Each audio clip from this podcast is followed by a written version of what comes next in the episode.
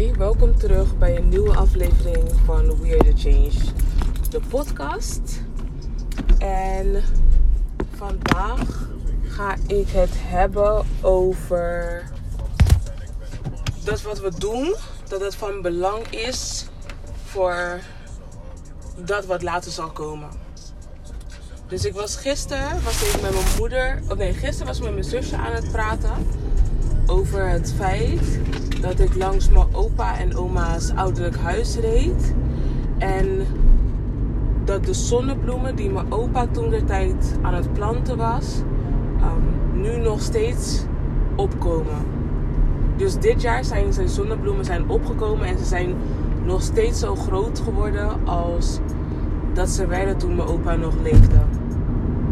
En mijn opa die deed altijd mee aan wedstrijden met uh, zonnebloemen van wie de grootste en de hoogste zonnebloemen kon maken.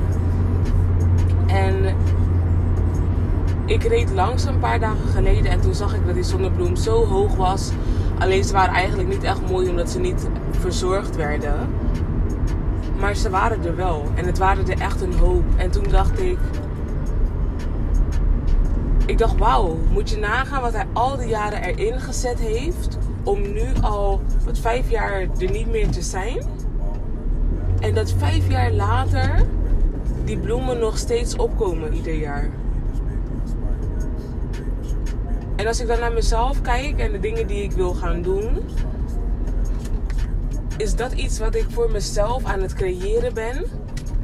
Dat als ik er zo meteen niet meer ben, dat jaren later hetgene wat ik gecreëerd heb nog steeds opkomt. En mijn moeder zei, ja, dan moet je langs die mensen gaan om ze te zeggen dat, uh, dat mijn opa die zonnebloemen uh, geplant had en zo.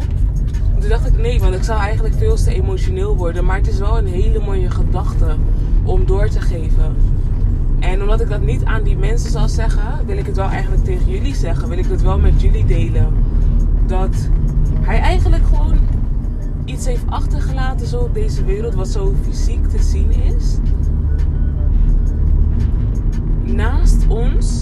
vind ik zo mooi. Vind ik zo mooi. I just, ja, ik weet, er zijn gewoon geen woorden voor mij om te omschrijven wat, wat het dat voor mij doet. Wat, wat, wat het voor mij doet. En ik rij nu toevallig langs die plek. Oh, maar wat het voor mij doet, dat ik toch nog wat van hem kan zien omdat ik mezelf wel dagelijks zie natuurlijk. Alleen je bent jezelf zo gewend dat je eigenlijk jezelf toch niet ziet. Of dat bijvoorbeeld, ik ben mezelf zo gewend dat ik mijn opa niet in mezelf terugzie. Omdat ik mezelf ben en ik dagelijks met mezelf ben. Maar als ik dan zoiets kan zien van buitenaf, kan ik dat heel erg waarderen. Dat, dat er is. Dat hij er is. Dat hij zichtbaar te zien is. En dan even tussendoor, ik luister uh, Ocho. Hoe het Ik weet niet hoe ze zichzelf noemen, maar Ocho, Ocho en Ips. En zijn, die muziek van hen is echt tof. Het is alleen, je weet, een beetje grof voor mij, maar die vibe van hun is amazing. Maar ja, even kleine promo, los daarvan. Ik ben trots dat ik zo een teken van mijn opa had, heb gekregen, kon krijgen. En dat hij zichzelf zo deelt op een manier dat, je, dat ik zijn liefde kan ervaren. Want hij was altijd zo trots op zijn zonnebloemen en, um, en het feit dat hij het zo heeft laten groeien. Het feit dat hij zo kon zorgen voor iets. En als je zijn tuin altijd zag, jongen, daar, misschien wil ik daarom ook heel graag tuinieren. Dat ik dat van hem heb overgenomen.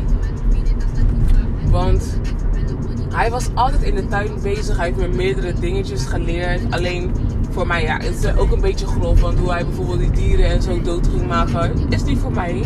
Ook al deed ik het vroeger wel. Maar dat is niet meer de manier voor mij om het te doen. En ik haal zoveel plezier eruit. En misschien is dat een kleine verbinding die ik heb met mijn opa zonder dat ik het wist. Dus dat ik met hem aan het tuinieren ben. omdat. Of dat ik aan het tuinieren ben omdat ik met hem in verbinding ben. Of een verbinding met hem aan het creëren ben. I just love it, man.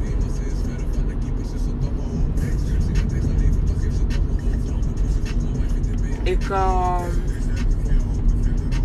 ik weet niet, ik voel me gelijk ook lichter. Ik voel me veel lichter gelijk omdat. Ik weet niet, iets in mij heeft een bepaalde plek kunnen krijgen of heeft een bepaalde plek gekregen in mij die ervoor zorgt dat ik nu een beetje rust voel. En dat is eigenlijk ook, dat is gewoon wat hij voor mij deed. Hij gaf me echt zo'n gevoel van rust die mij hielp om, ja, om rustiger te zijn, om, om een plekje te vinden in whatever it was in a moment. Omdat hij ten eerste vaak anderen niet serieus nam. En mij liet zien van, hé, hey, ik neem jou wel serieus en zo, weet je. Van, hij heeft me een andere vorm van liefde heeft hij me geleerd. En misschien is het een teken van dat ik mezelf een andere vorm van liefde aan het leren ben. Omdat ik bezig ben met verschillende dingen die me helpen. Dus bijvoorbeeld rust in mezelf te vinden. Want ik merkte ook gewoon de afgelopen dagen, oh vandaag is het 10 juli 2022. Ik merk ook gewoon aan mezelf dat ik niet echt rust heb. En dat ik merk dat ik moe ben, terwijl ik eigenlijk bijvoorbeeld helemaal niks doe. En toen had ik net voor mezelf opgeschreven van... Um, het hebben van rust hoeft niet te betekenen dat je niks doet. En dat is het wel eigenlijk hiervoor. Dat rust betekende voor mij, ja, ik ga helemaal niks doen. Ik ben met niks bezig en zo. Maar misschien moet ik gewoon leren of moet ik begrijpen dat ik anders met mijn energie om moet gaan. Om zo ervoor te zorgen dat ik rust heb. Zonder dat ik mezelf helemaal laat gaan en dus daardoor helemaal niks doe. Want dat is iets wat ik vaak deed. Dat ik rust voor mezelf ging creëren, soort van. Door helemaal niks te doen en mezelf helemaal te laten gaan. Terwijl ik eigenlijk mijn energie gewoon anders moest gebruiken. En dat had ik dan helemaal niet door. Ik had niet door dat ik mijn energie anders moest gebruiken. En nu ik dat wel een beetje door heb, heb ik zoiets van: oké, hoe ga ik dat aanpakken? Hoe ga ik daarnaar kijken? Hoe ga ik dat zien? Hoe ga ik dat ervaren? En hoe kan ik dat ervaren? Want ja. Ik dacht dat ik het, ik dacht dat ik het juist deed. En nu merk ik aan mezelf dat ik het niet juist deed.